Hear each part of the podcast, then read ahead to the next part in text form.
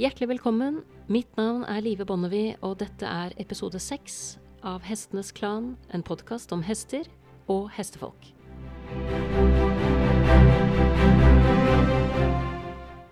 På slutten av del én av intervjuet med dressurrytteren Per Våler så snakket vi om at dressursporten opprinnelig var tiltenkt en rolle der den aktivt skulle bevare kunsten, vil si dressurkunsten.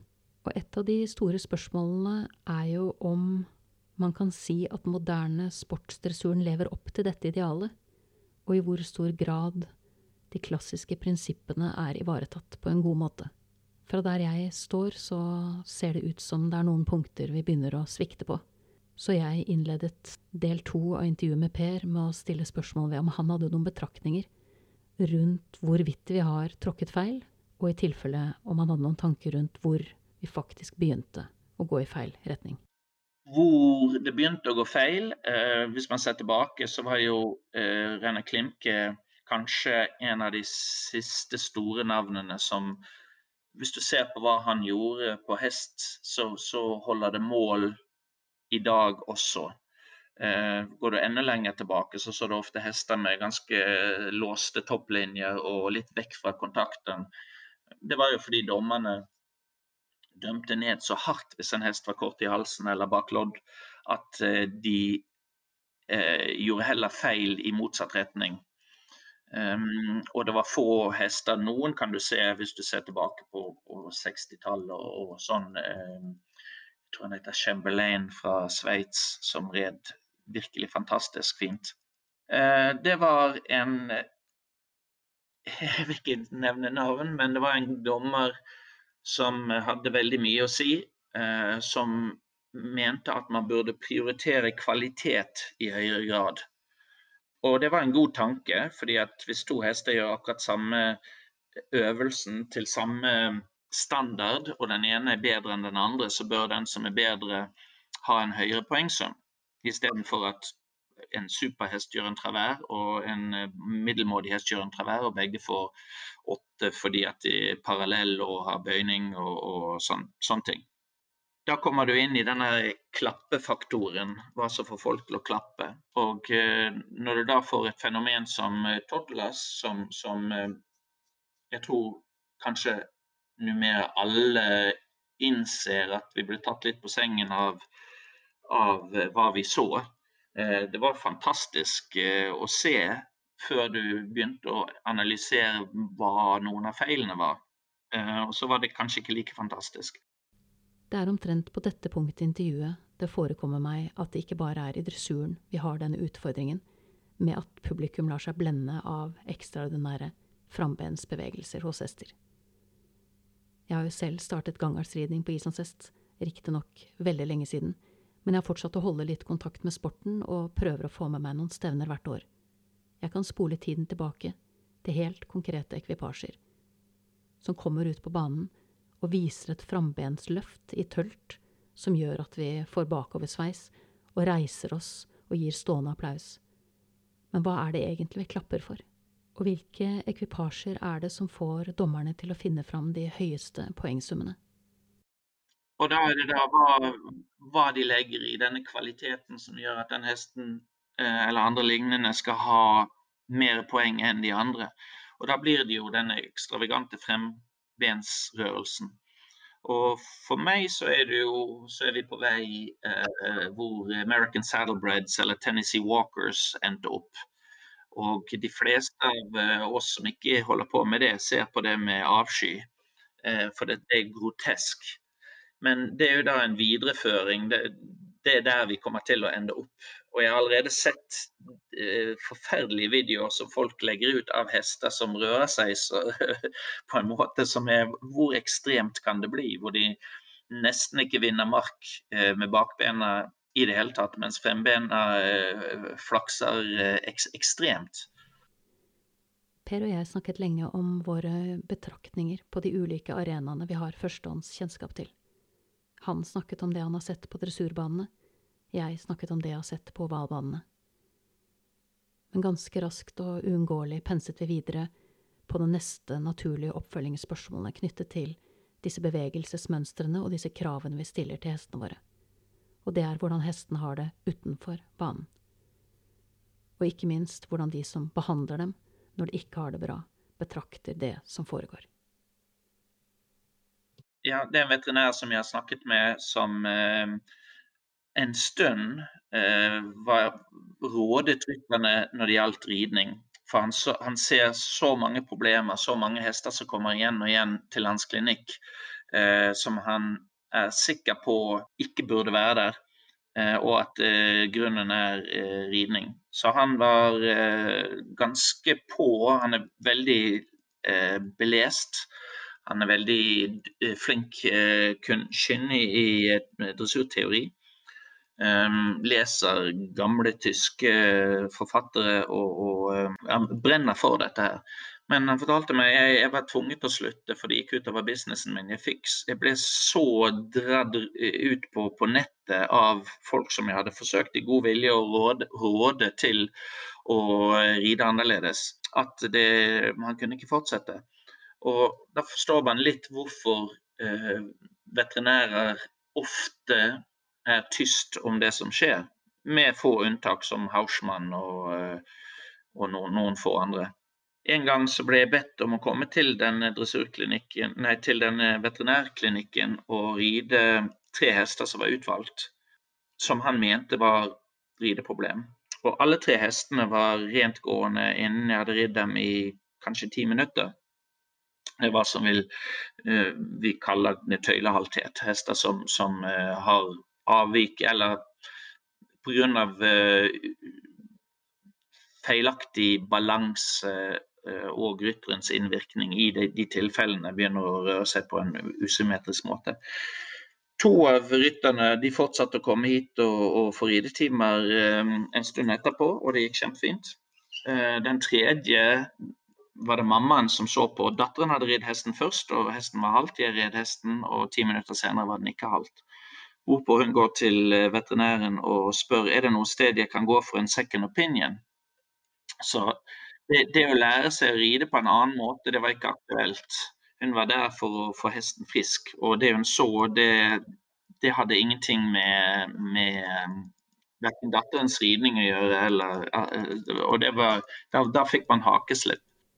Her kommer Per i berøring med et uh, tema som er uh, tilbakevendende og veldig viktig for meg og det er at vi har et stort behov for å plassere ansvaret for det som går galt på hesten, og slippe sånn sett å gjøre noe med oss selv. Min erfaring er jo at de elevene som velger å ri for instruktører som legger seg på den linja som Per har lagt seg på, hvor man sier at det er hesten først og rytteren etterpå, de, eh, de er en egen støpning. For det er jo så mye enklere å finne en instruktør som hjelper dem å sette hesten på plass, enn å ta tak i seg selv og sette seg selv på plass. Så jeg utfordret jo Per på å si noe om, eller gi noen eksempler på, hva slags type elever han har, som holder ut med at ting går langsomt. Eh, som en amerikansk instruktør jeg jobbet lenge med, pleide å si, at det var som å se malingen tørke. Og at i tillegg til at ting går langsomt, så går man kanskje et par skritt tilbake før man så går frem igjen. Og det er en enorm jobb som gjøres. Og det er ikke hesten som skal gjøre den jobben, det er vi som skal gjøre den. Jeg har en, eh, en elev som eh, kommer til meg. Det er, ikke, det er ikke mange i konkurransemiljøet som, som, kommer til meg. Og grunnen, det forstår jeg etter hvert. Eh, det er liksom den ubehagelige sannheten ofte. Og jeg bryr meg egentlig ikke så mye om uh, rytterens ønsker når de kommer til meg. Uh, og Det høres litt sånn arrogant ut, for hvordan kan jeg gjøre en business ut av det her? Og det, det må jeg bare si, det er et dårlig foretakskonsept. Det er ingen måte å bli rik på. Jeg, jeg gjør det ikke fordi at jeg, jeg er snillere enn noen andre eller, eller, noe sånt. Jeg ser på det delvis som pur økonomi. Jeg har hatt uh, jeg vet ikke, åtte Grand Prix-hester som jeg har, eh, som jeg har uh, trenet og konkurrert. Og jeg har hatt, utenom Edison, som Helen trenet til Grand Prix, men jeg konkurrerte på, på uh, senere i livet. Og han fikk en meniskskade som ikke gikk, og var, han hadde nesten røket av menisken. Så han var på veterinærklinikk eh, angående det. Men ellers det så har jeg aldri, aldri hatt hester som har vært sprøytet. Eh, jeg har kollegaer som tar juleferie hvert år. og det dagen, siste dagen de trener hestene, så kjører de til klinikken og sprøyter samtlige ledd. Jeg har aldri hatt en hest som jeg har sprøytet et, et ledd på. Eh, og jeg har alltid, med mindre Løvenborgs Revenge han eh, ble avlivet i Amerika etter at han ble solgt. og Andre omstendigheter. Han var ikke halvt, han bare ville ikke hoppe på bukken og tappe sæd for SEM-testen, så de avlivet han for de fikk han ikke inn i Amerika. Sånn tulle, tullegreier som rike folk gjør. Men utenom det så blir de alle gamle, og de er friske når de blir gamle. Så det er en Å høre på hesten eh, gjør at du unngår store skader. For en hest forteller deg veldig, veldig mye før Eh, det blir et problem at det er noe på gang. Og Det merker du med de små forskjellene du kjenner fra dag til dag. Eh, hvor du bestemmer deg om i dag skal jeg stille de store spørsmålene og gjøre de eh, gøye tingene, eller skal jeg gå på tur, eller skal jeg eh, begynne å rede ut hva, hva, er det som er på gang. Skal jeg føle, palpere, skal jeg eh, så, så, hesten har bare ett språk, og det er dens kroppsspråk. Det er hva den forteller deg når du, når du eh, Til og med når du henter den i paddocken og den legger på ørene og du sier oh, er det sånn? Garantert hvis du rir den, så har du en dårlig dag fordi hesten er ikke, mår ikke bra, føler seg ikke bra. Så det er ikke, det er ikke fordi at jeg vil, vil være snill, skinnhellig eller snillere enn noen andre at jeg gjør dette. Jeg ser økonomi i det. Og jeg anser at å gjøre det var, var riktig ut ifra de prinsippene som, som, jeg tror på, vil lede til et bedre resultat. Jeg, jeg tror at en hest vil kun jobbe til sin kapasitet hvis den mentalt vil gi deg eh, det du ber om. Ikke hvis, hvis, er, hvis, treningen er basert på trusler. Trusler kan du få kan du nå langt med. Um, akkurat som uh, bullyen på skolen som uh, så lenge de kan løpe fortere enn deg, så kan de få fatt i deg og vri armen din bak ryggen, så gir du dem skolepengene. Uh, men den dagen du kan løpe fortere så, og de ikke får tak i det, så mister de sin makt over deg. Og det er litt, litt av tingen med trusler. Du kan kun nå så langt. Og oftest er det når hesten blir mer redd for noe annet enn deg, så mister du all, all kontakt.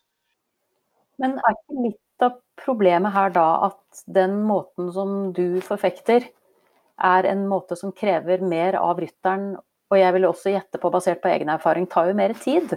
Og den gir et mindre i gåsehudene spektakulært resultat. Så hvordan, ut fra hvordan ting bedømmes og ses nå. Så jeg tenker, hvordan skal man da ikke angripe sporten, men på en måte hva skal jeg si, åpne for nye perspektiver når vi har gått oss såpass vill som vi har, da. Fordi at eh, quick fix eh, og, og, ufølsomhet og gode resultater eh, følger jo ofte hånd i hånd. Hvorfor skal jeg bruke et år på deg hvis jeg har en annen trener som kan hjelpe meg til mål på et halvt år? Når du tilbyr treningen på et år eller to år. Så det så, det er jo så vanskelig å få folk til å skjønne sitt eget beste. Jeg kan ikke komme med noe godt uh, argument til hvorfor du skal det, utenom at jeg, ikke, jeg, kan ikke komme med et argument for resultater, for det kommer til å ta altfor lang tid innen de resultatene eh, blir oppnådd. Pluss å vurdere en hest eh, med min trening eller uten min trening. Det, det går ikke an, for du, du, du, kan ikke, du kan ikke lage et eh, eksperiment som går ut på det. Eh, jeg kan, jeg kan, med krystallkulen min kan jeg si hvordan det kommer til å gå, og at en hest kommer til å komme til sin kapasitet. Men eh, du vet ikke før du er der. Altså, hvis jeg sier til deg OK, hvis du trener, fortsetter å trene på den måten du gjør, så kommer du kanskje til en middels B. Men en hest har egentlig kapasitet til å, til å, å være en fin sankerhest. Um, men det kommer til å ta deg to år å legge om treningen din, gå tilbake til null. For så godt som mulig slettet ut alt en hest har av forventninger uh, av deg gjennom ridningen, og så bygge det opp på nytt. Er du ambisiøs, så burde du gjøre det, fordi at dressurryttere vil nå så langt som mulig. Det er status i å kunne starte en, en Sankeorg, så du burde kunne gjøre det. Men du vet jo egentlig ikke før du er der. Og, uh, så, de elevene som jeg har, én som jeg kan bruke som et eksempel. som uh, Hun kjører land og strand for å komme hit en gang i måneden. Og de tar det som uh, ferie med, med, hele familien som kommer her. Vi kaller dem La Familie når de uh, kommer på gården her. To hester med seg. Hun kom til meg over to år siden. Og Eller jeg, jeg, så den på en klinikk først. Og så red hun rundt meg, og på 20 meters volte så plukket hun opp venstre galopp. og så analyserte jeg hva jeg så, og så sa jeg med disse problemene så kommer du til å ha problemer med den piruetten og problemer med ditt og datt og sånn. Og så så hun på meg som om jeg var Nostradamus. Og, og hvordan visste jeg det fra hvor hesten gikk rundt i en arbeidsgalopp på, på venstre eh, 20-metersholte? Og alle disse tingene henger sammen. Hvis du har problem i en lett ting, så kommer du til å ha litt større problem i en litt vanskeligere ting. Så kommer du til å ha store problem i en vanskelig setting når det gjelder samme tingene. Og du har jo visse, visse ting. Du har hva jeg kaller svingebalanse, og du har horisontal balanse. Horisontal balanse det går mer på, på eh, samlingsgrad, og svingebalanse det går på hvordan håndterer hesten kroppen sin når den svinger. Og Det gjelder også i versader, traverer eh, og galoppiruetter. Det er alle svingebalanserørelser. Eh, og til en viss grad eh, samling også så var denne unge kvinnen, som er ekstremt intelligent, uh, jobber på et universitet og uh, altså virkelig brainy kid. Hun var kommet til det punktet hvor hennes beskjeden hun hadde fått fra andre trenere, var bare mer. Når hun ikke fikk til sine piruetter, så var problemet så var det driv mer. Og da gikk hesten mer vekk, hold mer. Og så sa de gjør enda mer. Og så sa han ja, men jeg har vondt i armene og jeg er utslitt i beina. Og det var bare eneste løsningen var mer. Eh, og så hadde hun hørt om meg fra det her stuntet jeg gjorde i, i Göteborg når eh, jeg hoppet av hesten etter en stund fordi at hun følte seg føltes eh, varm og trøtt i eh, innendørs på vinteren. og så begynte jeg å, å fortelle OK, dette er hva som skal til for å løse dette problemet. Men for å få det til, så må vi gå tilbake til eh, Alle snakker om grunnridning, men til lette ting. Vi må tilbake til første, første klasse, vi må tilbake til eh, barnehage. Og så må vi gjøre om mange ting. Så hun gikk fra å starte Grand Prix med relativt gode resultater. Og hun fortsatte å konkurrere, og poengsummene gikk ned etter hvert som uh, treningen uh, fortsatte. Og hun var veldig flink og greide seg med en med en, to timer i måneden han kom ned her og, ble over en og hadde ja, to, to, dager på rad. To år senere så begynner poengsummene å gå opp. Ikke til hvor de var, men mye bedre enn hvor de var. Og når hun ser tilbake på den reisen, så eneste grunnen hun var motivert til å ta den reisen, det var at å fortsette som hun hadde, hadde ridd, det var ikke aktuelt. Det var alt, eneste andre alternativet f.eks. Eh, å hoppe eller feltritt eller noe sånt, for, hvilket hun også er flink til. Så hun var kommet til det punktet hvor hun, hun det, det, var inget annet alternativ. Og da hadde jeg henne i en slags gammel eh, militær eh, situasjon, hvor ridning i militæret før det var du gjør som jeg sier, liksom. Ikke det at jeg behøvde å si det, fordi at hun, hun ville det selv. Og da fulgte hun det her. Hun ble hjelpeløs totalt. Og hun, hun, var sterk nok mentalt til å takle det. Og hun hadde sine foreldre med, som også heiet på henne hele veien, som har vært fantastisk. Men hun gikk Jeg sammenligner det med hvis du kommer til hvis du er fjellklatrer og du kommer til toppen av det fjellet du har bestemt deg for å bestige. Og så ser du i horisonten det er et som er mye større og mye mer spennende, som du egentlig vil til. Og så finnes det ingen gondol som går fra den ene toppen til den andre. Du må ned igjen på bunnen, og så må du klatre en gang til hele veien til toppen.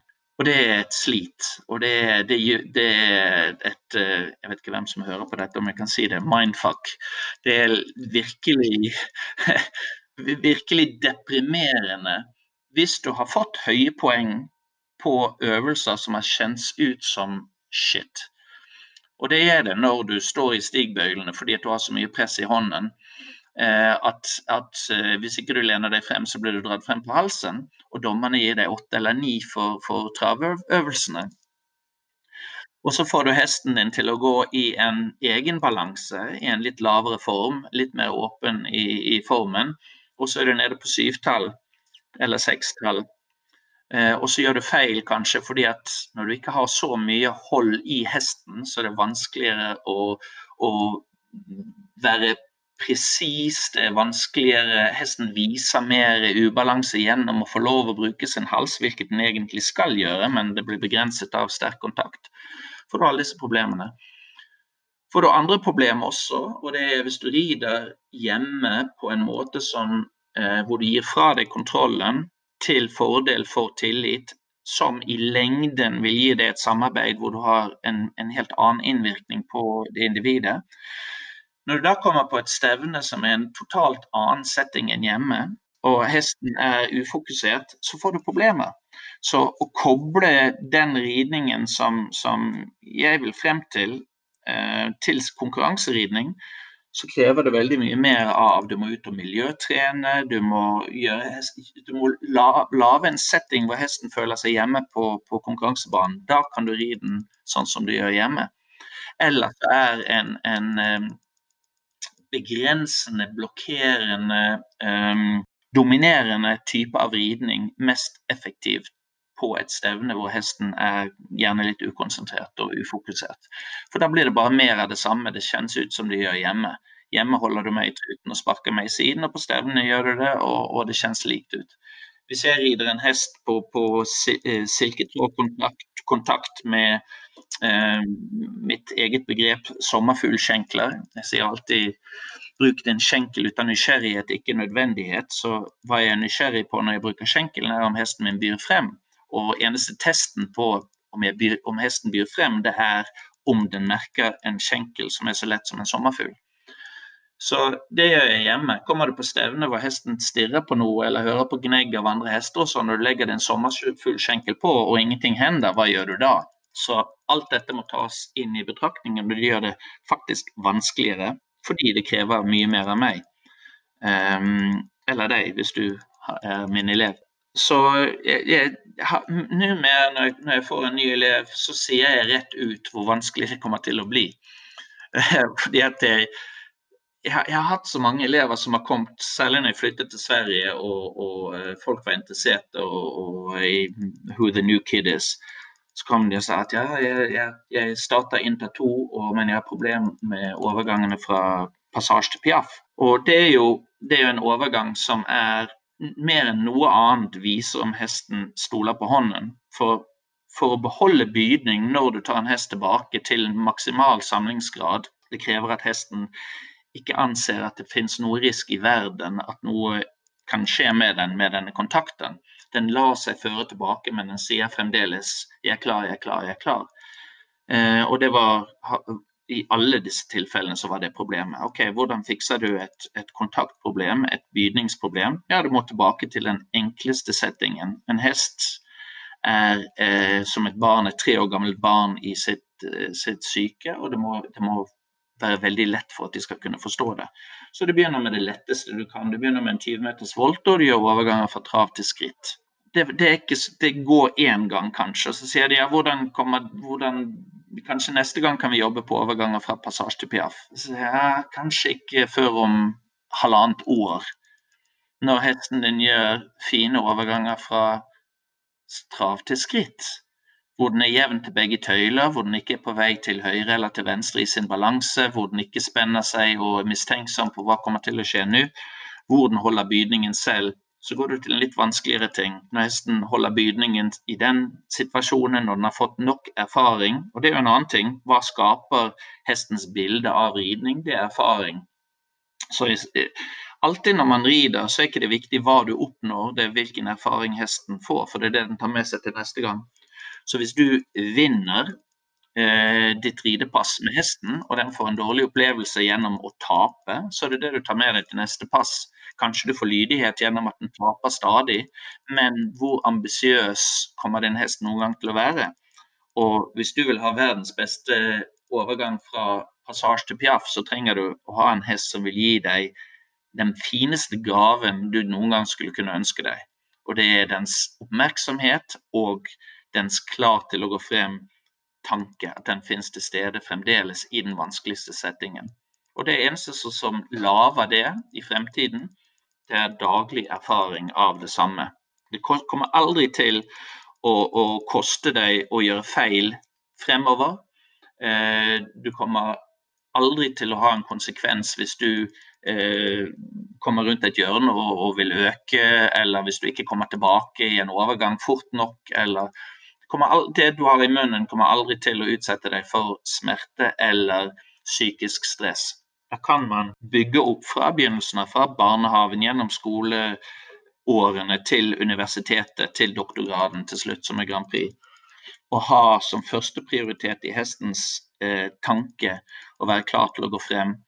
Eh, uten at du har noen negativ konsekvens knyttet til å gå frem en gang for mye. Og da, da er vi tilbake til det her med det mentale, hvor viktig det er. Eh, det mentale det er jo anerkjent i, i mennesker. altså All idrettspsykologi for mennesker går jo ut på at for at kroppen skal komme til sin maksimale, så må hjernen programmere den eller slippe fri det som hemmer deg. Og i hesten så er det veldig mye mentalt som hemmer den fra å gjøre det som er det maksimale eh, når det gjelder ridning. Og det er all dårlig erfaring. All, hver gang den har kjent et bitt som den, i munnen som har vært ubehagelig, som den ikke forstår hvorfor det plutselig var ubehagelig, det uforutsigbare. Jeg kan, jeg kan, jeg kan gjøre litt eh, teoritime for deg, bare sånn kvikt. Jeg har min egen treningsskala. Alle snakker om treningspyramiden. Jeg har min egen treningsskala. Og den går ut på aksept, bydning, svingebalanse, horisontal balanse, vent på meg, hold det selv. Og Det er steg som jeg begynner med med en unghest, og det ender med en Grand Prix-hest hvis hesten har talent for det. Hvis den har i sitt DNA at den bli en, kan bli en, en eh, Grand Prix-hest. Og Jeg behøver egentlig ikke å tenke på noe annet enn hvordan jeg skaper den prioriteringen i hestens syke. Og det gjør jeg gjennom erfaringen som, som treningen skaper.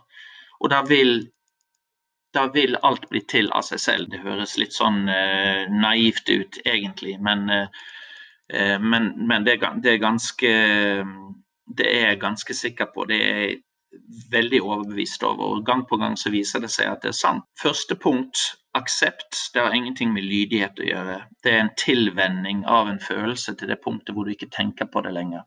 Så aksept av bitt, det er ikke at hesten er lydig til bittet og bøyer sin hals. Det er at den føler bittkontakt i munnen hvis man rir med bitt, og ikke tenker på det. Den har sine tanker på andre ting. Og Hvorfor er det viktig? Jo, for at en hest som skal by frem, den neste viktige tingen For at en hest skal by frem, så, må, så kan ikke dens tanker være på bittet. For det, det, bremser den, de tankene bremser den fra å være alert i beredskap til å gå frem. Du kan ikke være i beredskap til å gå gjennom en dør hvis du tror at den er stengt. Det, fordi at du vet, Løper du mot den døren, så kommer du bare til å slå skulderen din eh, i døren, og du kommer ikke til å åpne den. Så aksept, tilvenning, bydning, svingebalanse.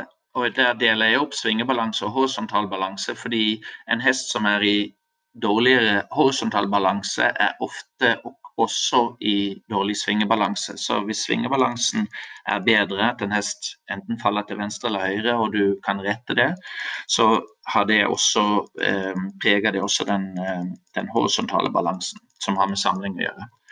Så da har vi balansedelen. Så vent på meg. Det er første gang jeg ber hesten om å komme tilbake. Det kan jeg ikke be hesten om å gjøre med mindre jeg har aksept, fordi da vil dens fokus være på bitt, og jeg vil miste bydning.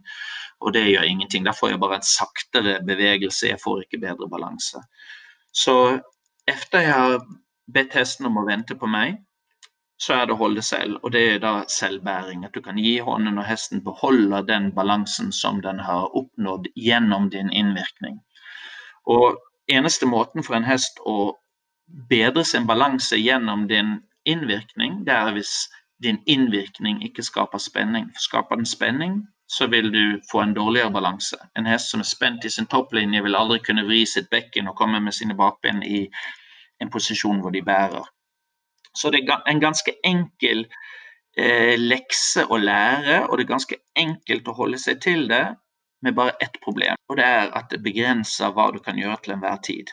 Og det er frustrerende som menneske, eh, sannsynligvis. Nå har jeg øvd så mye på det at jeg ikke er frustrert av det. Jeg syns det er spennende, jeg syns det er interessant hver dag. Jeg er aldri eh, lei meg eller frustrert når jeg rider en hest. Hver dag er, er det like, er like gøy. Fordi at du, du, ser aldri på det som at jeg må oppnå noe for status, jeg må få det til i dag, for ellers kommer jeg ikke til å få det til i morgen. Du går gjennom din, din liste, og du jobber på det du må. Det er som et håndverk. Det er et gøyt håndverk. Du har en håndverksbok, du gjør din analyse, du finner ut hvilken side må jeg bla opp på. På den siden så står det når en hest spenner seg og tar hodet opp, så må du ta hånden opp og gjøre det like komfortabelt for den som om den var på noe som helst annet sted med sin hode og hals. Hvorfor? Ikke pga. at det gjør noe nå, det gjør at alle ser at hesten er spent.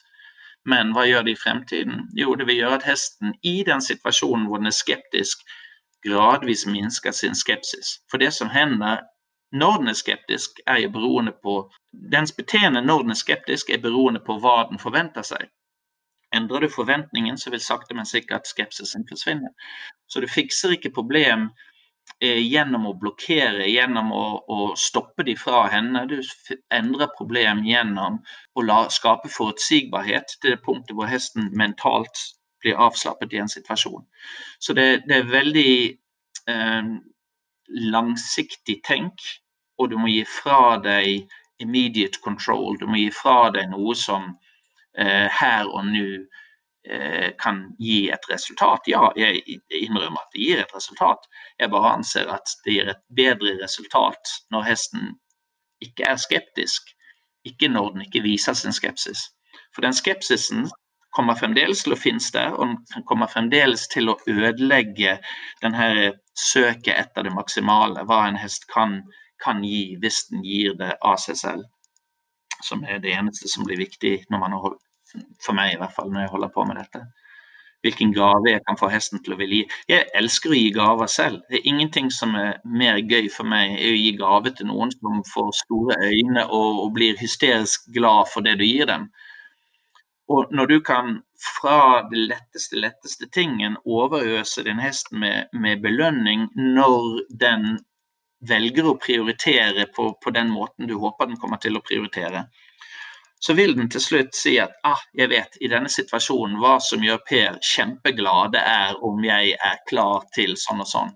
Og så gjør den det, og så, øver, og så bygger man inn disse responsene hvor til slutt hesten ikke faller den inn når du samler opp for å gjøre en galopppiruett, at den skal bli saktere i sin rørelse, hvor du føler at for å få en bra øvelse, så må jeg drive mer.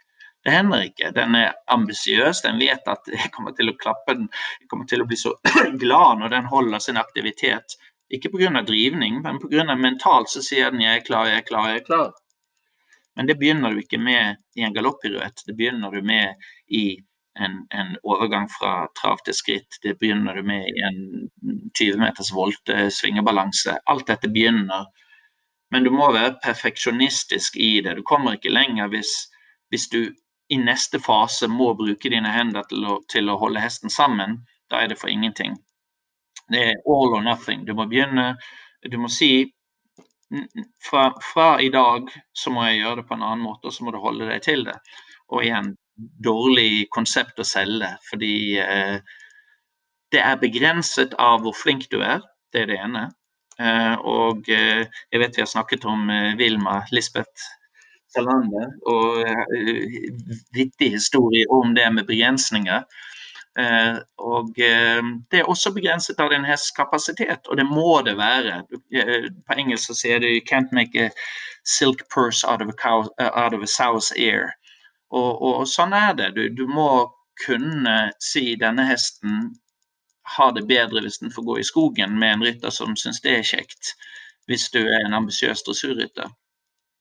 Ehm, så jeg vet ikke om jeg skal hoppe inn med, med min firma her, eller om vi skal gå videre på Jeg vil jo veldig gjerne høre noen historier om deg og den hesten som jeg har lært å kjenne som Lisbeth Salander. Men jeg har kunne godt tenkt meg, for jeg mistenker at hun kanskje bare er en bit av det, å høre med deg om denne eh, gode tiden du har til å trene hester, og den litt sånn myke filosofien knyttet til, som jeg leser deg da, at du ikke ber om mer enn det hesten kan gi, at du ikke har høyere ambisjoner enn det hesten kan levere, eh, og at du tar det i, i det tempoet som hesten er klar for. Var dette noe du hadde med deg fra begynnelsen av, eller var det noe som kom etter hvert? Um, jeg hadde det veldig mye med fra begynnelsen av. Fordi eh, når jeg begynte Jeg var heldig nok til å begynne å ri på en tid, en veldig uskyldig tid i Bergen, hvor vi red for å ha det gøy, ikke, ikke for å konkurrere. Eh, vi måtte ri dressur jeg tror en gang i uken for å få lov å hoppe. Eh, men jeg har aldri et bilde av at hesten måtte gå til tøylen, eller det er grusomme begrepet med eftergift. Og hvorfor jeg sier grusomme begrep, er fordi at det er for meg det mest mistolkede ordet i dressurteori. Så jeg red, eh, hadde det gøy. Eh, vi hadde en fantastisk gjeng på stallen. Jeg kom til USA ufrivillig med familie. Og jeg fortsatte å ri. Og skulle egentlig fortsette å hoppe, men eh, kjøpte for alle de feile grunnene en tre år gammel uinnridd hest. Og hopptreneren som jeg senere kom i kontakt med, hadde begynt å ta dressurtimer. Så jeg ble med og så på eh, når hun red for Hilda Gurney, som nettopp hadde kommet som nummer fire i Montreal-olympiaden.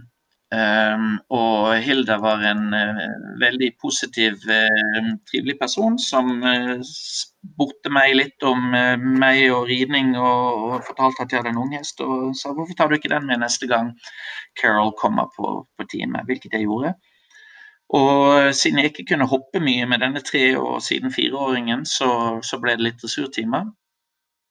Og Hilda, som nettopp var hjemme fra Tyskland eh, på stipend, hadde vært hos eh, Willy Schultheis bl.a. Var full av inspirasjon. Og jeg syns eh, Jeg har litt sånn Jeg elsker matematikk og fysikk og litt sånn den, den type hjerne. Og jeg syns jo det her var ekstremt interessant. Og fikk det inn med teskje fra noen som var virkelig flink.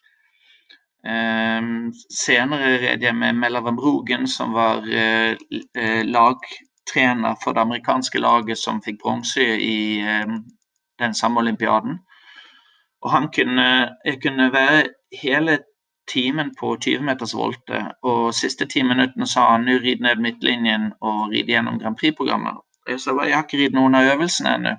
Han sa ja, men det spiller ingen rolle, jeg gjør det. Og det, det, gikk aldri så bra som det gjorde der. Det var en fantastisk opplevelse å føle hvor, hvor, lite du behøvde å gjøre øvelser for at øvelsen skulle bli perfekt, eller nær perfekt. Eh, alt handlet om, eh, om eh, innvirkning og kommunikasjon med, med hesten. Så jeg, jeg, jeg, har aldri hatt Jeg har aldri ridd med en gramantøyle. Jeg har aldri brukt et, et skarpt bit. Jeg har, altså, det, det, det, jeg har ikke vært i en situasjon hvor jeg ikke har fått noe til eh, og vært frustrert og, og prøvd å, å, gjøre det på en annen måte. Pluss at jeg, som de fleste ryttere, alltid elsket dyr. og jeg skulle liksom ikke jeg, jeg har ikke blitt lurt inn i å akseptere mer og mer. Jeg har ikke hatt noen som har sagt til meg ja, men har du sett hester når de er i flokk, hvor harde de er mot hverandre. Du må være hard, du må være leder. Det var først når jeg snakket med når jeg møtte Emily Kaisdatter, som har vært en, en, en utrolig eh, person i vårt liv, får jeg si, hele mitt liv. For hun har jo åpnet opp et helt univers eh, som vi ikke visste fantes. Eller jeg mistenkte at det fantes, men jeg var redd for å, å, søke det. Allerede i Amerika når jeg bodde der, så var jeg redd for å ta kontakt med en som het eh, Beatrice Lidecker, som kunne kommunisere med, med, hester. Hun var veldig anerkjent. Men jeg var livredd for at hestene, skulle, hestene, mine skulle si at de ikke likte dressur. Hva skulle jeg gjøre da? Eh, så jeg, så jeg lot være. men til slutt gjennom eh, min gode venn Lillian Grepne, som, eh, som, fikk oss til å ta kontakt med Emily. Så fikk vi oppleve henne, og det var, eh, det var helt overveldende. Flinke folk, og, og, det er jo det samme helt sikkert med hund og annen trening også. Flinke folk de blir aldri voldelige med, med, hester, fordi de har så mange andre redskap og mange andre måter å kommunisere. Eh, så, så, jeg var heldig nok at jeg gikk fra å være totalt naiv og uvitende eh, og hadde lært meg å sitte på en hest og, og holde hendene mine eh, på tøylen uten å, å, dra, til å lære å ri fra noen som var flink jeg hoppet egentlig over veldig mange feil som, som mange må gå igjennom. Det innbiller jeg meg i hvert fall. Kanskje mange som hører dette som sier ja, men du gjør masse feil nå. Det gjør jeg kanskje. Uh, men så, så, så min, min, lange reise, den var aldri innom uh, du må gjøre det for å få resultat. Um, det var alltid resultatene kommer til å komme hvis de gjør det rett. Da er jo avhengig av selvfølgelig dommere som ikke bare Alle dommerprotokoller som jeg har lest, mine dommerprotokoller, og det er ikke så mange jeg leser lenger, um, og det vil ikke jeg gå så mye inn på, men alle dommerprotokoller jeg leser, der står det riktige ting. Det står riktige ting når de gir meg seks på en øvelse. Det, det er riktige kommentarer. Men så undrer jeg på, når jeg ser alle de andre som jeg syns Hadde jeg ridd så dårlig, jeg skulle, jeg skulle skjems, jeg skulle være flau, og så slår de meg. Så tenker jeg, hva står på deres protokoller da? Så jeg har aldri noe imot hva som står på mine protokoller. Og jeg laget jo i sin tid en, en film hvor jeg tok etter jeg hadde ridd mitt program, så jeg jeg, var, jeg var, så fornøyd med programmet mitt, og Helene hadde filmet det. På veien ut så sto det på tavlen min poengsum. Jeg hadde en intermediær én av de fått 65% eller noe sånt. Og jeg var helt sjokkert, fordi det, for meg kjentes det ut som 70-75 jeg jeg var sikker på at det, dette var the ride.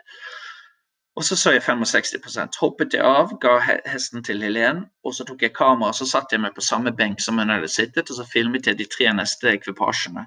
Og så splittet jeg sammen en film som viste den ene mot den andre, rørelse etter rørelse med dommernes poeng. Og de fleste som har sett dette, de, de sier jo at det, det, er jo helt vilt. Men det viser akkurat det, det jeg, jeg, nevnte der med Jeg forstår hva de sier på min protokoll, men jeg forstår ikke hvorfor de ikke ser de samme tingene som jeg ser med de andre. Men på et tidspunkt så må vel det du har kjent og sett vært det samme som det de kjente og så, for du har jeg som sagt med forbehold om at jeg sitter i skauen med kikkerten min og ser dette på avstand og bare er måtelig interessert. Du var norgesmester i dressur ti år på rad, stemmer ikke det? Det er noe som jeg er veldig glad og stolt for. og eh, Det rare er, eh, det jeg er mest stolt av, det er å kunne ha en hest frisk og fit for fight ti år på rad til å kunne vinne norgesmesterskap. Så var samme hesten. Det, samme hesten. Så han var, han var frisk, eh, og det var han hele sitt liv. Eh, jeg var ikke alltid frisk. Jeg må innrømme nå første gangen det, det er sånn her eh, bombshell report her. Jeg må innrømme at jeg var dopet eh, et av årene selv, for jeg hadde brukket ribbene noen dager før, eller en uke før, så jeg hadde sånne smerter. Så jeg, hadde en... jeg, tror morfin, jeg tror ikke morfin gjør deg til en bedre rytter, Per. Jeg ville ikke vært så bekymra for det. det gjør nok ikke det.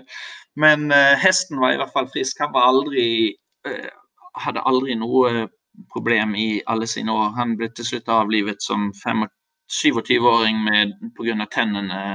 Han, han, fikk ikke emalje, og, eller mistet all emaljen. og Til slutt så levde han på supper, og til og med det holdt han ikke i Another Story. Men eh, det, det det er mest stolt av. Å kunne ha en hest som har holdt seg frisk over så lang tid og kunne prestere på den måten han gjorde. Som jeg sa tidligere, jeg fant ut på slutten hvordan jeg skulle ha gjort det fra begynnelsen av.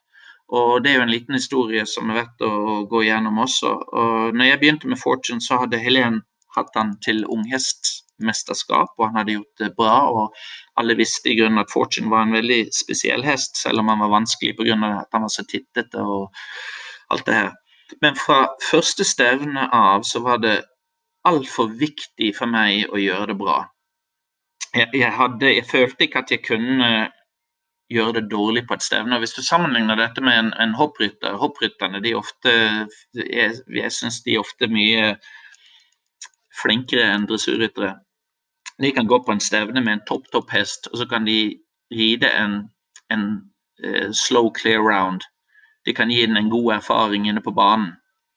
Eh, det er klart det er ikke en god erfaring for en hest som er tittet å gå inn på en bane og føle mer og mer eh, skjenkel på siden og mer og mer eh, at du holder i truten for å komme igjennom, for å komme forbi hver bokstav, for å komme til enden av midtlinjen hvor det står en bil med lysene på for dommeren sitter inne for det regner. Dette gir ikke en god erfaring, og forventningen neste gang blir mer av det samme. Og når jeg til slutt kunne gi slipp på dette når han var 19 år gammel, og mye med Emilys hjelp. Når jeg kunne puste tungt og sitte som en potetsekk selv om han bremset, og la han bremse og ta dobbelt så mange steg på, på den første midtlinjen for å komme frem til dommeren. Det var like vanskelig når han var syv som når han var 18. Han hadde store øyne, og han bremset, bremset. Når jeg kunne sitte uten å ta tak i han, uten å, sette sporene i for å komme dit, og vi kom dit til slutt, det bare tok veldig lang tid. Men neste gang jeg kom til samme sted, forbi på kortsiden, så var han mindre spent. Neste gang så begynte jeg en prosess hvor kanskje etter eh, 80-70% av programmet så hadde han glemt disse tingene. Og Neste gang var det kanskje litt tidligere, og neste gang var det litt tidligere. og På slutten så kunne jeg ri ned midtlinjen og fortsette programmet uten å måtte ha han under press bare for å komme frem til C-dommer.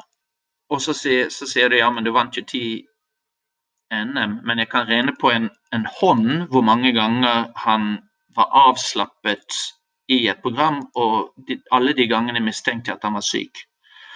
Eh, for han var, han var, så på tærne, den hesten. Han var så, jeg sier Hvis du hadde sluppet alle hestene i stallen løs, så ville han ha overlevd lenger enn noen andre. Han ville stått midt på et jorde med lengst mulig avstand til enhver busk eller tre hvor noen kunne gjemt seg og der ble han stått på en liten flekk. Uh, han var ekstrem på, uh, som Emily sa, speider. Han var en speier, speiere, skulle hun si. Det var hans oppgift. Og når hun da sa at han gjør dette for å beskytte deg like mye som seg selv, så var jeg jo rørt. Og så begynner man å se på det litt annerledes. Ikke som noe hesten gjør mot deg, men noe den faktisk gjør for deg. Et misforstått forsøk på å redde deg, eller misforstått er det ikke. fordi at uh, den dagen dommeren faktisk er noen som kommer til å drepe deg, så, så ville han være redningen. Men uh, enn så lenge har ingen dommer prøvd å drepe meg, uansett om jeg har påpekt mine, min kritikk. Og det er jo også en ganske sånn harikiri måte å drive dressur, eh, konkurranseridning på og, og, og, kritisere dommerne. Men eh, der er jeg uheldigvis for, meg, for, min egen del uheldigvis min, min mors sønn, så jeg kan bare ikke la være å si noe som jeg føler må bli sagt. Når var det, når var det du var eh, norgesmester sist, eh, Per? Mm, vet ikke helt om det var uh, rundt 2000. Så ca. 20 år siden. Ja, så kunne noen som tenkte han der er blitt veldig alternativ og rar, kunne de tenkt at du på en eller annen måte har mista grepet eller det touchet du hadde da du fikk eh, ti NM-gull på rad, og at du har blitt en grinebiter som er på jakt etter systemet fremfor å endre deg selv. Altså, Kunne det vært et perspektiv på deg, tror du? Ja, det, det, kan lett ses på den måten. Og mange ganger er det, det, det som blir brukt i kritikk av de som ser feil i systemet. Det er at eh, ja, eh, la meg se deg gjøre det bedre selv. Eh, ene tingen er at jeg sier jeg vil ikke gjøre det bedre selv hvis det er bedre, det som skal til.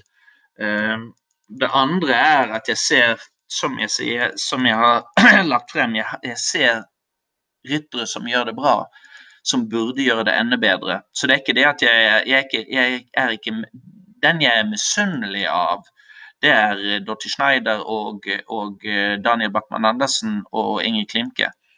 Det er de jeg er misunnelig jeg er ikke misunnelig for mange av de andre som jeg ikke vil nevne. For jeg skulle ikke tenkt meg å, å ville ri på den måten. Og ville du måttet ridd på den måten for å kunne hevde deg, tenker du?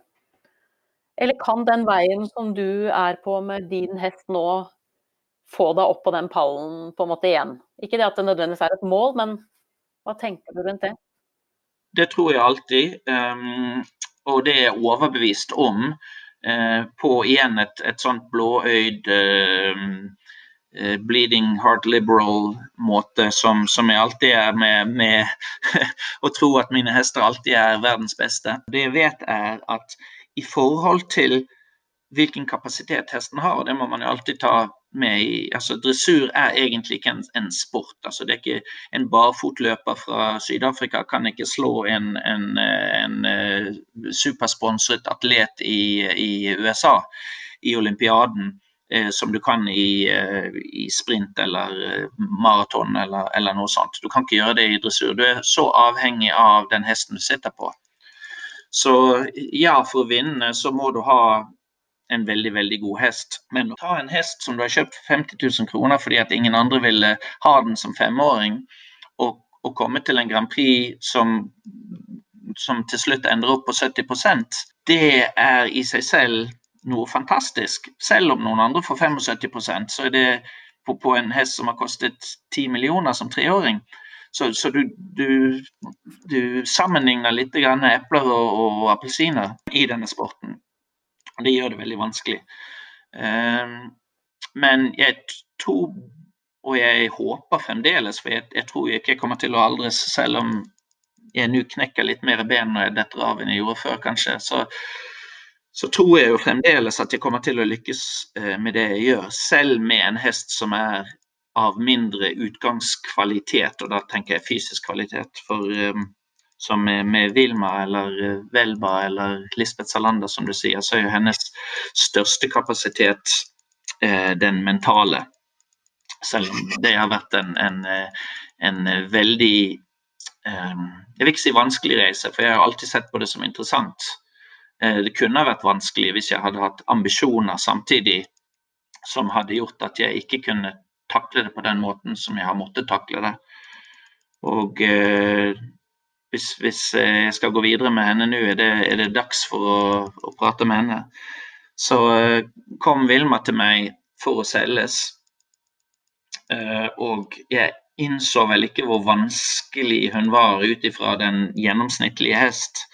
Um, og det fant jeg ut første gangen jeg hun hadde tre fine ganger etter hun var en, en yndig hest som var altfor liten for meg. Og hun gikk rundt på firkantspor i trav, skritt og galopp. Og hvis jeg prøvde å vende gjennom banen eller gjøre en volte, så stoppet hun. Og hun stoppet brått. Og hun tok sitt hode og vendte det til den ene siden, og så tittet hun ut i horisonten. Og jeg hadde mindre oppmerksomhet enn en mygg ville hatt på henne.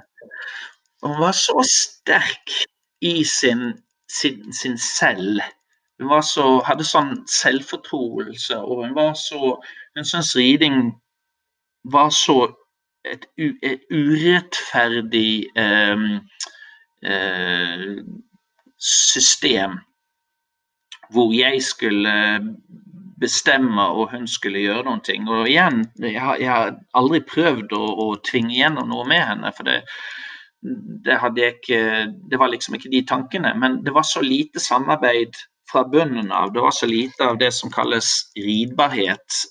Jeg hadde problemer med å få henne inn når jeg skulle ri henne, for hun så på meg fra lengst nede i ganske lange paddocker, kanskje 120 meter lange paddocker.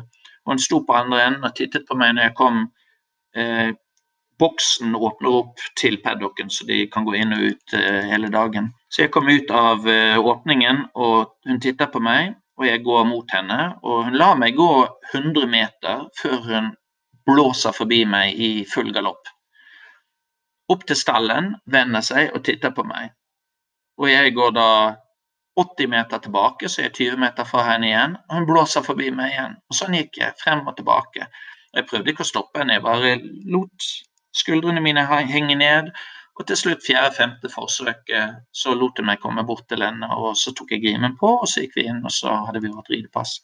Og det var da Emily var nede hos oss, og så sa jeg at eh, Først så så hun bare Vilma på buksen, og hun bare begynte å le. Og beskrev henne som hun alltid gjør eh, hester. Beskrev henne perfekt i hvordan hun eh, var som, eh, som eh, Hvordan hennes personlighet var og alt sånt. Og så sa jeg til henne, for jeg, var, jeg, jeg, trodde faktisk ikke det gikk å trene en hest som hadde en sånn innstilling som hun hadde. Jeg, altså hun var eh, Rosa Banks som nektet å, flytte seg fra setet sitt på bussen. Hun var eh, eh, altså you, you, name it. Hun, hun, var eh, the epidemy of stolthet og eh, det spiller ingen rolle hvilken konsekvens det har på meg, men jeg tolererer ikke urettferdighet. Og det var for henne et urettferdig system at noen andre skulle si ikke bare hvordan hun skulle svinge eller når hun skulle svinge, men faktisk ødelegge for henne at hun kunne gjøre det på en perfekt måte, hvilket hun selvfølgelig mente at hun kunne gjøre selv. Så, men da sa Emily at uh, hun trodde ikke det var noe i veien for at det skulle gå an å trene henne. Hun visste ikke med piaff og passasje, for det var vanskelig å, å, si med en ung hest, for de hadde ingen referanse til hva det betyr. Men, eh, så, men det eneste som, eh, eneste som, skal til, egentlig, er at du blir flink nok. Og, og flink nok, det var ut ifra Vilmas eh, perspektiv. At hun eh, så på meg som noen som ikke hindret henne i å gjøre ting. Så det har vært en, en, eh, en større jeg vil ikke si utfordring, men lære, eh, læresituasjon lærekurve for meg enn noe annet i mitt rideliv. Um, og hva, hva, det har vist meg, det er at når du kan få en hest til å ikke gi deg det du vil gjennom trusler, og Trusler det kan du bryte ned til, til mikrotrusler. Mer kontakt er en trussel hvis kontakt i seg selv er noe ubehagelig. Eh, så igjen, eh, det er noe som preger hele min, min tanke med ridning, eh, som er kanskje annerledes fra veldig mange andre. Når man ikke kan bruke trusler lenger, ikke kan eh, når, når ikke mangel på smerte er en belønning, fordi at du tilfører aldri smerte som del av uh, ridningen. Uh, så opplever du at ikke bare en vanskelig hest, en umulig hest, blir mulig å ri, men en vanlig uh, ridbar, agreeable hest blir enda bedre.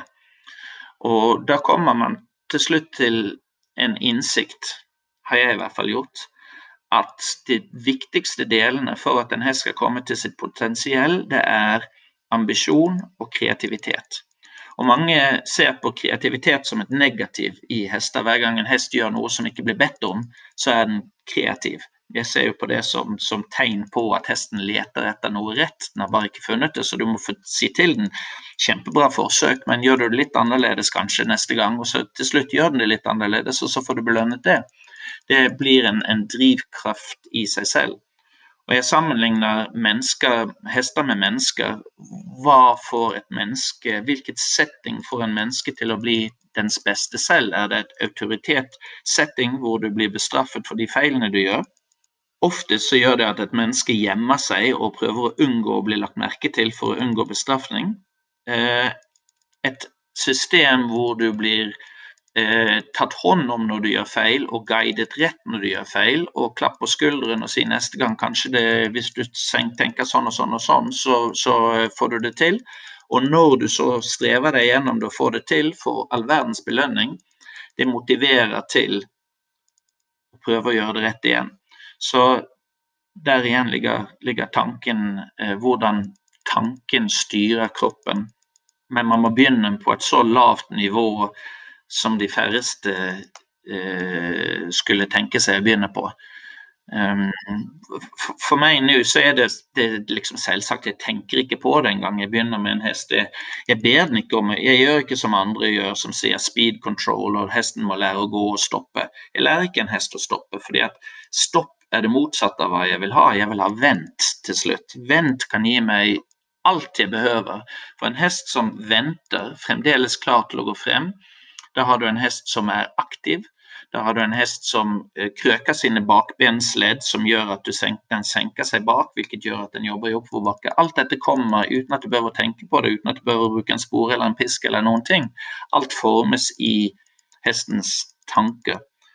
Og når det gjelder kontakt, og det jeg sa med jeg belønner ikke med mindre kontakt, de fleste, til og med trenere som jeg respekterer fordi at deres treningsmetoder er hestevennlige, de vil gå til det her at, at du belønner gjennom mindre kontakt. Jeg belønner aldri gjennom mindre kontakt. For, for meg, hvis noe skal være en belønning hvis du får mindre av det, så må det være noe negativt. Altså, belønner, Du belønner ikke noen ved å gi dem mindre lønn. Du belønner ikke noen ved å altså, for, for, for, meg, hvis du gir kontakten for å belønne, da er kontakten i seg selv noe negativt. For mindre av det vil da være en belønning.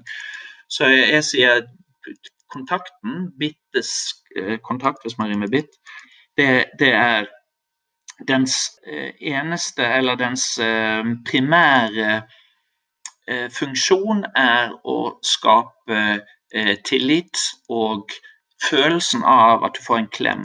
Og hva, Hvordan føles en klem? En klem gitt av noen du har et forhold til, det får deg til å bli glad når du er lei deg, det får deg til å, å få uh, føle deg trygg når du, er, uh, når du er redd.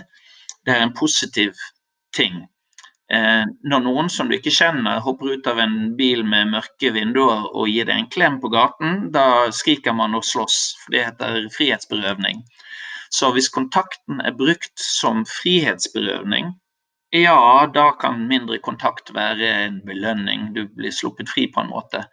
Eh, men siden jeg aldri har i, i, denne måten å tenke på, så har jeg aldri et mål av å forme en hest gjennom kontakten. Jeg har en, en tro som blir bevist dag etter dag eh, gjennom dette systemet, at en hest vil velge en, en eh, form og bæring ut ifra sin balanse som er perfekt. Så, så, det er ikke noe jeg behøver noen gang å tenke på at en hest går til tøylen eller, eller har en rund hals eller eh, noen av disse tingene. For det, en hest som byr frem, aksepterer bitt og er jevn på begge tøylene, den har ikke noe annet den kan gjøre. Det hender av seg selv. Så spørsmålet er alltid hvorfor, hvis du har en hest som er skeptisk, hvorfor er den ikke til tøylen? Jo, det er fordi at den er skeptisk, den aksepterer ikke bittet. Den tenker på at den har et bitt i munnen, og den tenker på konsekvensen det kan innebære. Hvorfor, uh, ikke min, hvorfor uh, er ikke min hest i tøylen som ikke byr frem? Jo, fordi at når den ikke byr frem, så har du ingenting som forbinder bakbena til hånden. Du har inget sug fremover. Eh, hvorfor går ikke min hest til tøylen eh, når den eh, hele tiden henger på venstretøylen? Jo, fordi at når du har ujevn kontakt, så er bittet dratt til den ene siden. Det er ubehagelig for hesten, og du har spenning som igjen går utover aksept, og igjen går utover bydning. Så alt dette henger sammen. Og da kom vi jo veldig fort inn på det punktet som du var innom litt på begynnelsen av samtalen vår, som handlet om ettergift. Ja. Som du tolker på en veldig annen måte enn mange andre. Kan du si litt om det òg?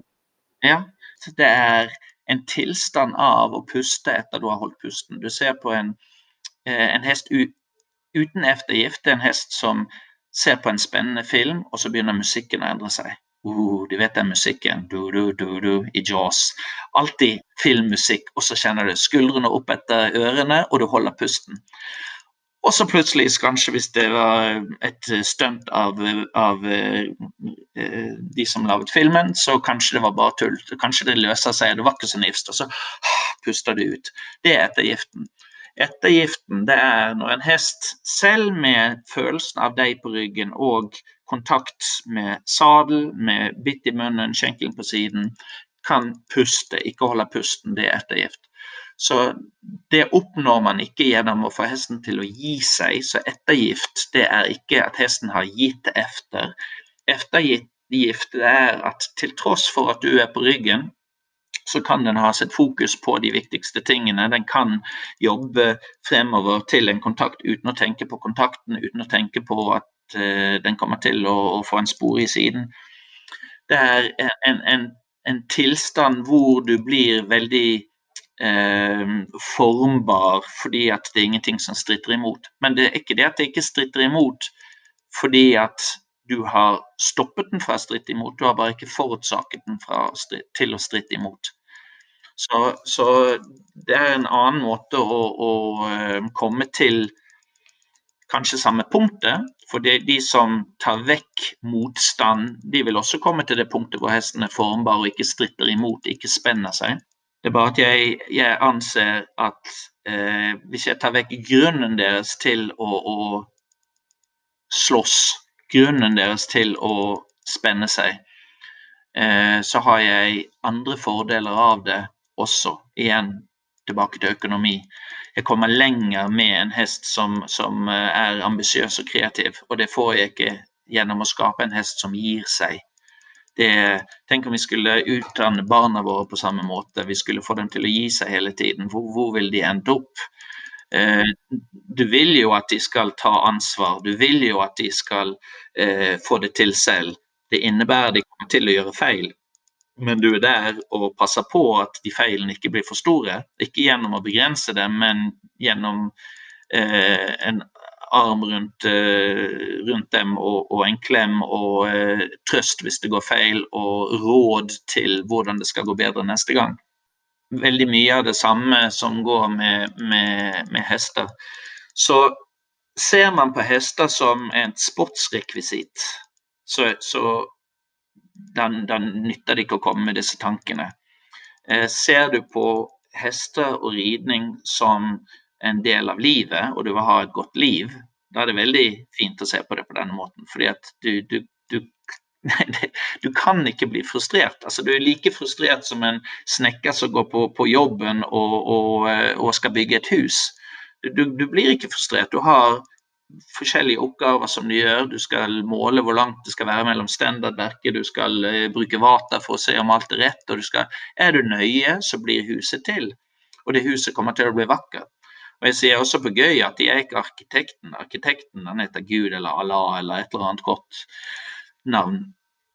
Jeg er ikke arkitekten, jeg er håndverkeren. Jeg, den hesten er allerede skapt til å gjøre det som den kommer til å gjøre. Eh, jeg må bare legge forholdene for til rette, og jeg må bygge det opp gradvis. Jeg kan ikke begynne med en etasje som ikke har en, en ferdig etasje under. Og hvis det skulle være at jeg kommer opp på en etasje hvor det kjennes litt vaklete ut, så må jeg plukke den ned igjen og, og, og forsterke etasjen under og alltid gå til den laveste etasjen som, som trenger eh, forsterkning, og begynne der. For eh, et lite problem på et lavt nivå, på et basic nivå, vil lage et stort problem høyere opp. Og hvis du sammenligner med dans Jeg har vært på danseskole én gang i mitt liv. Det var en grusom opplevelse. For jeg var så sjenert. Ingen kommer til å tro dette, men jeg var så sjenert da jeg var liten. Og jeg ble bedt om å engasjere. Guttene satt på ene siden og jentene på andre siden. Så skulle jeg gå som førstemann på tvers av gulvet og be en jente om å danse. Og hva innebærer det? Jo, det innebærer jo at alle kom til å vite hvem jeg syntes var søtest på andre siden, selv om jeg var syv år gammel. Og det var jo det var jo en umulig oppgave. Så jeg holdt meg fast i stolen og nektet, hvilket innebar, innebar at jeg danset med en som var en meter høyere enn meg og, og hadde veldig store eh, hva heter det, braces på tennene sine. I hvert fall, Det ikke, ville ikke vært mitt første valg. Og det var, det var, en traumatisk opplevelse som jeg ikke vil gjenta. Men eh, den første dansen var ekstremt vanskelig. Og så Hvis du ser på dansere som danser i et mesterskap, så ser det veldig lett ut altså Vi forstår at det er vanskelig, for vi skulle ikke kunne gjøre det selv, men det ser veldig lett ut. De gjør ingen feil, det ser fluent ut, alt ser perfekt ut. Så den vanskelige dansen er, vans er lettere for en øvet danser enn den lette dansen var for en uøvet danser. Og det samme med dressur. Det vanskeligste programmet du skal ri med din hest noen gang, det er en lett C1. Det er det vanskeligste programmet, hvis du er nøye så skal lett B være litt lettere. Fordi at det er i grunnen det samme som lett C, men hesten forstår bedre, og den har lært seg av sine feil, forhåpentligvis, så den gjør mindre feil. Og lettere skal være litt lettere, fordi at da har den gjort samme feilene kanskje noen ganger til, og begynt å forstå hva rett er, og begynt å forstå hva feil er i forhold til hvordan flytter sin balanse inn i en sving og alle disse tingene. Alt bygger på det samme, og når du til slutt kommer til Grand Prix, så skal det være det letteste programmet du rider. Hvis din hest er fysisk kapabel av det. Hvis den ikke er det, så, så prøver du å lure dommerne istedenfor å, å ri dressur. Det det, det er, en helt annen bok, 'Hvordan å lure dommerne', som jeg, som jeg, ikke kan. Jeg kan ikke skrive den boken, for det har aldri interessert meg. Men eh, det finnes de som, som er flinke til det også. Så hvis du er nøye fra begynnelsen av, og du aldri går for langt og gjør for store feil før du går tilbake og finner ut hva var grunnen til feilet, hva var den laveste tingen på listen som, som var et problem. Har du problem i en venstrepiruett, så har du sannsynligvis problem i en 10 meters volte til venstre eller en 8 meters volte til venstre. Ikke prøv å fikse det i piruetten, gå tilbake til volten og fiks det der. Og igjen uten at, er, eh, at, du skal vinne en fight. Det er bare å forstå hva som er feil forstå, og, og, gjøre en korrekt analyse. Vi kan holde på forever med dette. Jeg skal bare gjøre én ting til som er viktig for meg å få sagt, siden jeg eh, har behov av å si ting, som du vet. Eh, og det er at for å analysere Hvis, hvis vi anser at å velge riktig eh, måte å, å rette et problem er basert på å gjøre riktig analyse. Hvis vi, hvis vi kan, alle kan være enige om det. Du, du, fikser ikke et problem hvis du tror problemet er noe annet enn det der. Så riktig analyse er det viktigste første delen for å kunne fikse et problem. Hva, beste, hva gir de beste forutsetningene for å gjøre en riktig analyse? Det er en mental tilstand av å ikke bry deg. Du må være nøytral, du må ikke ha et ønske, du må ikke ha et håp. For har du et ønske eller et håp, så har det en effekt på din eh, analyse. Eller det har en effekt på hvordan du lar hesten gjøre sin feil, eller vise hva som er feil. Så vi snakker mye om det mentale med hestene, at det er viktig at de ikke føler stress og, og, og underdanighet og alle disse tingene. Men som rytter så er det veldig viktig å komme vekk fra å ønske deg noe ekstremt vanskelig for en eh, konkurranserytter å ikke ønske seg et godt resultat. Men det som skjer når du ønsker deg et godt resultat, det er at du tillater ikke at hesten gjør en feil som den kan forstå at den har gjort et feil, og derved også senere forstå når den har gjort rett. Så du hemmer dens utvikling gjennom at du begrenser hva den gjør til noe som er ganske rett. Når du da klapper den for å gjøre noe ganske rett, så har den ikke egentlig forstått om den har gjort feil eller, eller noen ting. Den har bare latt seg eh, ri til å gjøre noe som, som egentlig den ikke forsto. Og det hemmer, hemmer din analyse av hva som er feil. Hvis jeg kommer og begynner en versade, og hesten fra at jeg lar den gjøre feil, forlater sporet, ja, da kan jeg gjøre en analyse. Hvorfor? Hva skjer? Hva er det som, som kreves? Er svingebalansen ut? Faller den mot den ene skulderen eller den andre? Er det halvparaden at den ikke venter på meg nok? Så kan jeg lage en analyse, og så kan jeg gjøre korreksjoner, forandringer, som er logisk for hesten, lett å forstå. Hvor den til slutt, når jeg begynner versaden, holder seg på sporet på, med den rette vinkelen og jobber på en korrekt måte. Det er kanskje tiende gangen jeg gjør den versaden som jeg lykkes. Men den tiende gangen, da har hesten forstått den, hvordan den skal gjøre det ikke hvordan den skal la seg bli formet til å gjøre det. Jeg rider ikke hvert steg. Om jeg rider en travær, så har jeg en forberedelse, jeg har en begynnelse, og så har jeg en slutt. Og innimellom så gjør jeg ingenting. Hesten gjør traværen, eller en galoppiruett, eller en piaff, eller en passasje, hva enn det er. Innvirkningen, hjelpende de er til å be om en forandring, og så blir hesten bedt om å holde den forandringen selv, hvilket de fint gjør, hvis dette ikke er et kjempestort kliv fra det de kunne gjøre på egen hånd tidligere. Så Derfor er det viktig at man gjør bitte, bitte små forandringer og er fornøyd med at hesten holder den forandringen fra begynnelsen til en dag det nivået man kommer til. Nå høres det ut som eh, de kaller meg for pastor Per av og til. Nå begynner jeg å høre meg selv her som å predike. Nå har jeg mistet halve publikummet ditt her. Men jeg er litt som deg da, Per. Jeg er jo ikke så opptatt av eh, størrelsen på det publikummet. Nei. Jeg er jo i dette mye av samme årsak, egentlig. Altså, det, handler jo, det handler om kvaliteten på det man gjør. Og det handler om å kunne stå for det man gjør. Så, så det, det, er ikke sånn jeg tenker om denne podkasten heller. Jeg tenker at det handler om akkurat det som du og jeg har gjort nå, egentlig. Eh, å ha samtaler rundt hva hester er, og hva ridning er og håpe at vi sammen kan utvide våre perspektiver. Um, I forlengelsen av det så er jo en av de gjestene som jeg har invitert, er jo Torunn Knevelsrud. Som har jo vært ressurdommer i 40 år, er en utdannet eh, veterinær, har jobbet i Mattilsynet i en mannsalder, har fokus på hestevelferd. Fordi at jeg tenker at det er viktig å prøve å se Så litt av poenget er å prøve å se eh, sporten, og i og for seg alt vi driver med med hest, fra ulike perspektiver.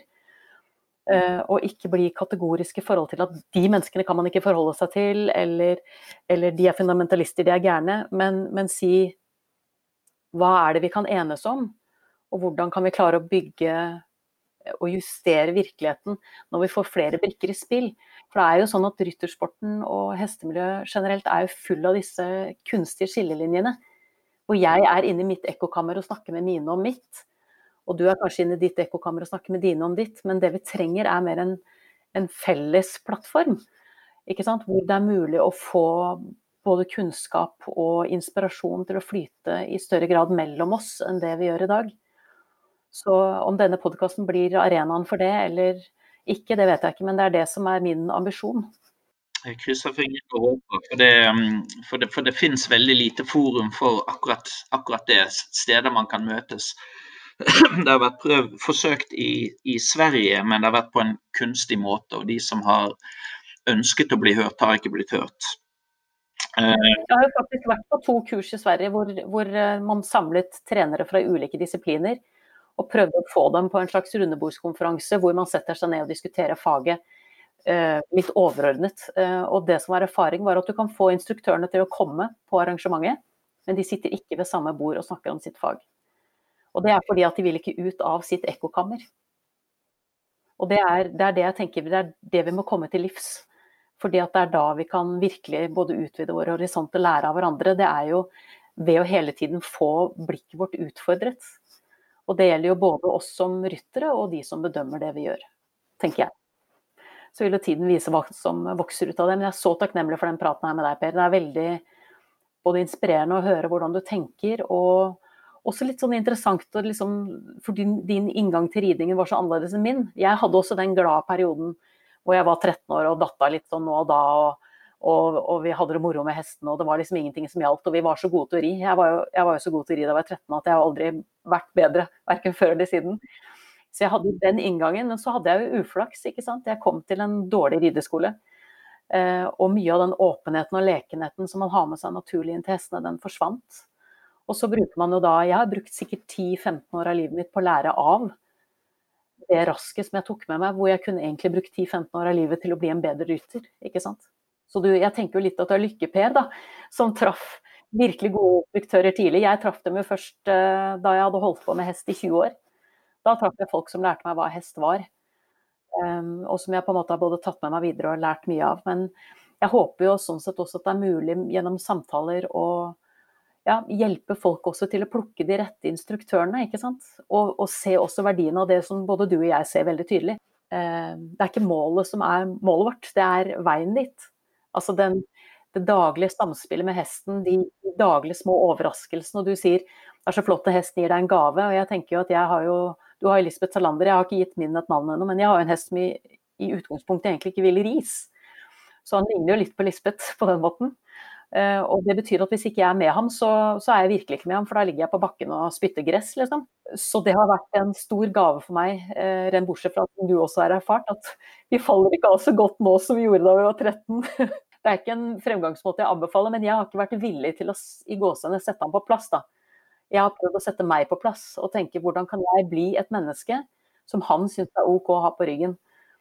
Og det har betydd to år på bakken hvor folk har tenkt hvorfor har du ikke heller kjøpt et marsvin? Uh, og det har brukt nå, betydd nå de neste tre årene på å rive, og folk tenker hva er det egentlig du driver med. Og jeg sier til meg selv at de får tenke det de vil. Jeg er blitt for gammel som deg. Folk får tenke mene det de vil, men jeg snakker med hesten min. Og jeg hører på det han har å si, og det er nå han sier nå kan vi snakke om ridning. Og da tenker da, da er det nå vi snakker om ridning. Og om det har tatt fem år eller om det tar en uke, for meg er indifferent. For jeg vil bare tilbringe tid med ham. Jeg har en, eh, en eh, venn, fantastisk hestemenneske um, som bor i uh, Strømstad, Ellen Tveter. Og hun sier alltid de, du kan se det på øyet deres når de vil ha det på ryggen. Så hun, hun venter alltid til hesten inviterer henne opp. Og det er så, det er så sant, jeg hadde en, en, problemhest her i trening noen år siden. og uh, jeg satt på en krakk i ridehallen i ukevis og spiste gulrøtter mens han sto og så på meg. Og eh, han var nysgjerrig, og han kom nærmere og nærmere, og han fikk til slutt gulrøtter. Og jeg sto på pallen, og han gikk unna, og han kom tilbake til gulrøttene. Og jeg tok på sadelen, og jeg lente meg på sadelen, og jeg, til slutt så satt jeg på han. Og eh, det var Noen ser på det og sier hvordan også, så tålmodig du er. Og jeg anser ikke at jeg er tålmodig i det hele tatt. Det var bare liksom, det var det som måtte gjøres. Det var ikke noe Hvis jeg skulle være tålmodig, så ville det være at dette holdt meg fra å gjøre noe annet jeg heller ville gjøre. Men det var ikke noe annet jeg heller ville gjøre. Det var dette jeg ville gjøre. Og da er jeg ikke tålmodig. Sant? Du er ikke tålmodig hvis du er på fisketur hvis du har lyst til å fiske. Er liksom, Du er tålmodig hvis du, hvis du venter på noen som skal ta deg på fisketur. Så igjen så ja, om, om, Av og til så kan man jo mistenke at man styrer sin hjerne på en måte at man, sier, man innbiller seg at man tror ting for å men men jeg tror genuint at jeg tror på det her. Jeg, jeg tror ikke jeg lurer meg selv. Eh, det, det, kjennes i hvert fall aldri sånn ut. Det, som jeg sa tidligere, jeg er aldri frustrert med en hest. Eh, selv ikke Jeg hadde en hest som kastet meg av så jeg brøt ankelen her noen måneder siden. Og jeg, jeg, jeg kan ikke den hadde hatt en dårlig opplevelse tidligere, den kom til meg som en problemhest. Det viste seg senere at den hadde masse problemer i ryggen som ikke jeg visste om. Og det er jo litt av det dumme når du er yrkesrytter og du får hester i trening, så går du ut ifra at de er friske fordi at eieren burde ha sett til det, og så, og så var den ikke det. Men jeg kan ikke bli jeg, jeg, ble ikke sint på den. Jeg, jeg, jeg, ble ikke frustrert fordi at den kastet meg av. Jeg undret på hvorfor, hva er det som skjer. For det var så, kunne, det skjedde ingenting. Jeg kunne ikke få det til å stemme inntil jeg hørte hva som hva veterinærene hadde funnet. Og da var det jo selvklart. Og når du har opplevd det nok ganger, så vet du at det, det, de, de har alltid en grunn. Og grunnen er aldri at de, de, vil at du skal bli frustrert eller deprimert eller lei deg eller, eller, noe sånt. Det, de har et klart språk. Og hvor mer man hører på det, hvor, hvor eh, bedre liv får man. Med mindre livet går ut på å, å få eh, bekreftelse gjennom eh, stevner og prestasjon. Hvis det er det ditt liv går ut på, da kan det være tøft. I hvert fall i begynnelsen, inntil du blir flink nok. Blir du flink nok, da er det ingen problem. Men inntil du blir flink nok, så er det et problem. Takk skal du ha for praten, Per. Takk for at du ville høre på meg. jeg tenker at du har en unik stemme. Veldig mange av de jeg eh, driver og tilbringer tid med, hestefolk som jeg tilbringer mye tid med og diskuterer mye med, det er jo folk som aldri har vært i rampelyset og aldri kommer til å komme dit. Og følgelig så har de stemmer som, som, bare er for spesielt interesserte. Men jeg tenker jo at når man har vært norgesmester i dressur ti år på rad, så har man også en inngang til det man snakker om som gjør at, eh, at stemmen din ikke mitt blikk er mer verdt, men, men, den likevel kommer fra et sted som gjør den mer relevant for de menneskene som, som ønsker å prestere med hestene sine. Og jeg har så veldig lyst til å utfordre dem på å se ting litt annerledes. Nettopp basert på det blikket mitt fra skauen hvor jeg sitter der med kikkerten min og, og, lurer litt på hva den sporten driver med. At det er, det er så mange som hadde hatt stort utbytte av å kaste et nytt og mykere blikk på hesten sin og tenke hva er det egentlig jeg driver med? Ja, det, det, ville, det ville, være fantastisk hvis flere hadde, hadde tatt det avsporet. sporet. men som jeg sa tidligere, problemet er alltid at du må gi fra deg noe som tross alt fungerer. For jeg kan ikke bygge videre på et system som er basert på trusler og, eh, og gjøre hesten ukomfortabel for å få den til å gjøre hva du vil. Så kan jeg ikke bygge videre på det. Man må først bli av med det systemet, og det tar tid. Og så må man bygge noe annet som er basert på at du må bli flink både til å gjøre analysen og til å gjøre ditt håndverk og det er vanskelig. Så eh, om det noen gang blir for andre enn spesielt uh, interesserte, det, det, vet jeg ikke. Men uh, jeg vet at på samme måte som topp sprangryttere reiser til topp trenere og, blir nødt til å trave bommer i en uke, så når du kommer til et visst punkt hvor du ser at jeg har en begrensning i min hest eller i min ridning, og jeg skulle gi hva som helst for å komme forbi denne begrensningen, eh, da kanskje man angrer at man ikke bygde det opp litt annerledes. Når man har en hest som er verdensstjerne, foruten at den vaier fra høyre til venstre når den gjør piaff, så undrer man kanskje så, så, kanskje man angrer at man ikke tok bedre tid og ventet på at balansen var riktig før man ba hesten om å gjøre piaff, istedenfor å presse det frem, hvor hesten fra dette presset begynte å, å, søke utløp for sin energi, som ikke var frem og opp, men fra til side til side. Det, det for meg skulle være da, crushing. Jeg skulle være så frustrert om jeg kom til enden der, men ikke kunne komme til det siste beste pga. Den, den feilen. Det blir som å ha bygget en grunnmur og satt opp et hus, og så får du ikke satt inn vindu fordi at ting er skeivt. Og så må du sitte i et hus som ikke har vinduer. Det er jo stusslig. Ja. Så, um, ja. Men, men, igjen, som du påpekte i begynnelsen, alt begynner og slutter med meg i denne, denne, type av tenk, ikke i hesten. Jeg pleier å av og til beskrive hesten i ridetimer som, eh, som en simulator som du skal lære deg å, å, gjøre en analyse. Og Den kan være innstilt på 100 000 forskjellige innstillinger. Og Når du blir flink nok til å kunne både analysere og vite hva du skal gjøre i hver av settingene, ja, da er du en flink rytter. Men å litt komme vekk fra det her personlige med at jeg må få det til, og, eh, og uh, hesten gjør det for å jævles mot meg, og alt dette her. Det blir, så hemmende i din utvikling som rytter. Du kan faktisk aldri bli en feeling rider gjennom det tenket. Det blir bare undertrykkelse og, og eh, blokkeringer som, eh, som, gjelder for å holde uønskede ting fra å skje. Og det er igjen veldig dårlig grobunn for uh, utvikling. Men nå skal ikke jeg lure meg inn i mer uh... Det er som du sier, det er ikke noen grense for hvor lenge man kan ta, ha en sånn samtale når man er i gang. En av mine yndlings eh, innenfor hest er en eh, Kari Steinhovden, en veldig god venninne av meg. Når vi møtes eh, og setter i gang sånn i åtte-ni-tiden på kvelden, har spist kanskje et godt måltid mat og begynner å prate, så er klokka gjerne blitt sånn rundt tre neste gang vi ser på klokken. Eh, tre på natten. Og så ser man på hverandre og så sier man burde vi lagt oss nå? men vi er jo midt i noe, så fortsetter vi å snakke. Neste gang vi ser på klokken så er den blitt halv seks. De gode samtalene om hester tar aldri slutt. Så se ikke bort fra Per at du en annen dag blir invitert tilbake for å prate mer. Du har nettopp hørt episode seks og siste del av intervjuet med Per Våler. Takk til min faste komponist Fredrik Blom, takk til Per for å ha stilt opp eh, i studio, og sist, men ikke minst, takk til deg, kjære lytter, for tålmodigheten. Måtte hesten for alltid være med deg.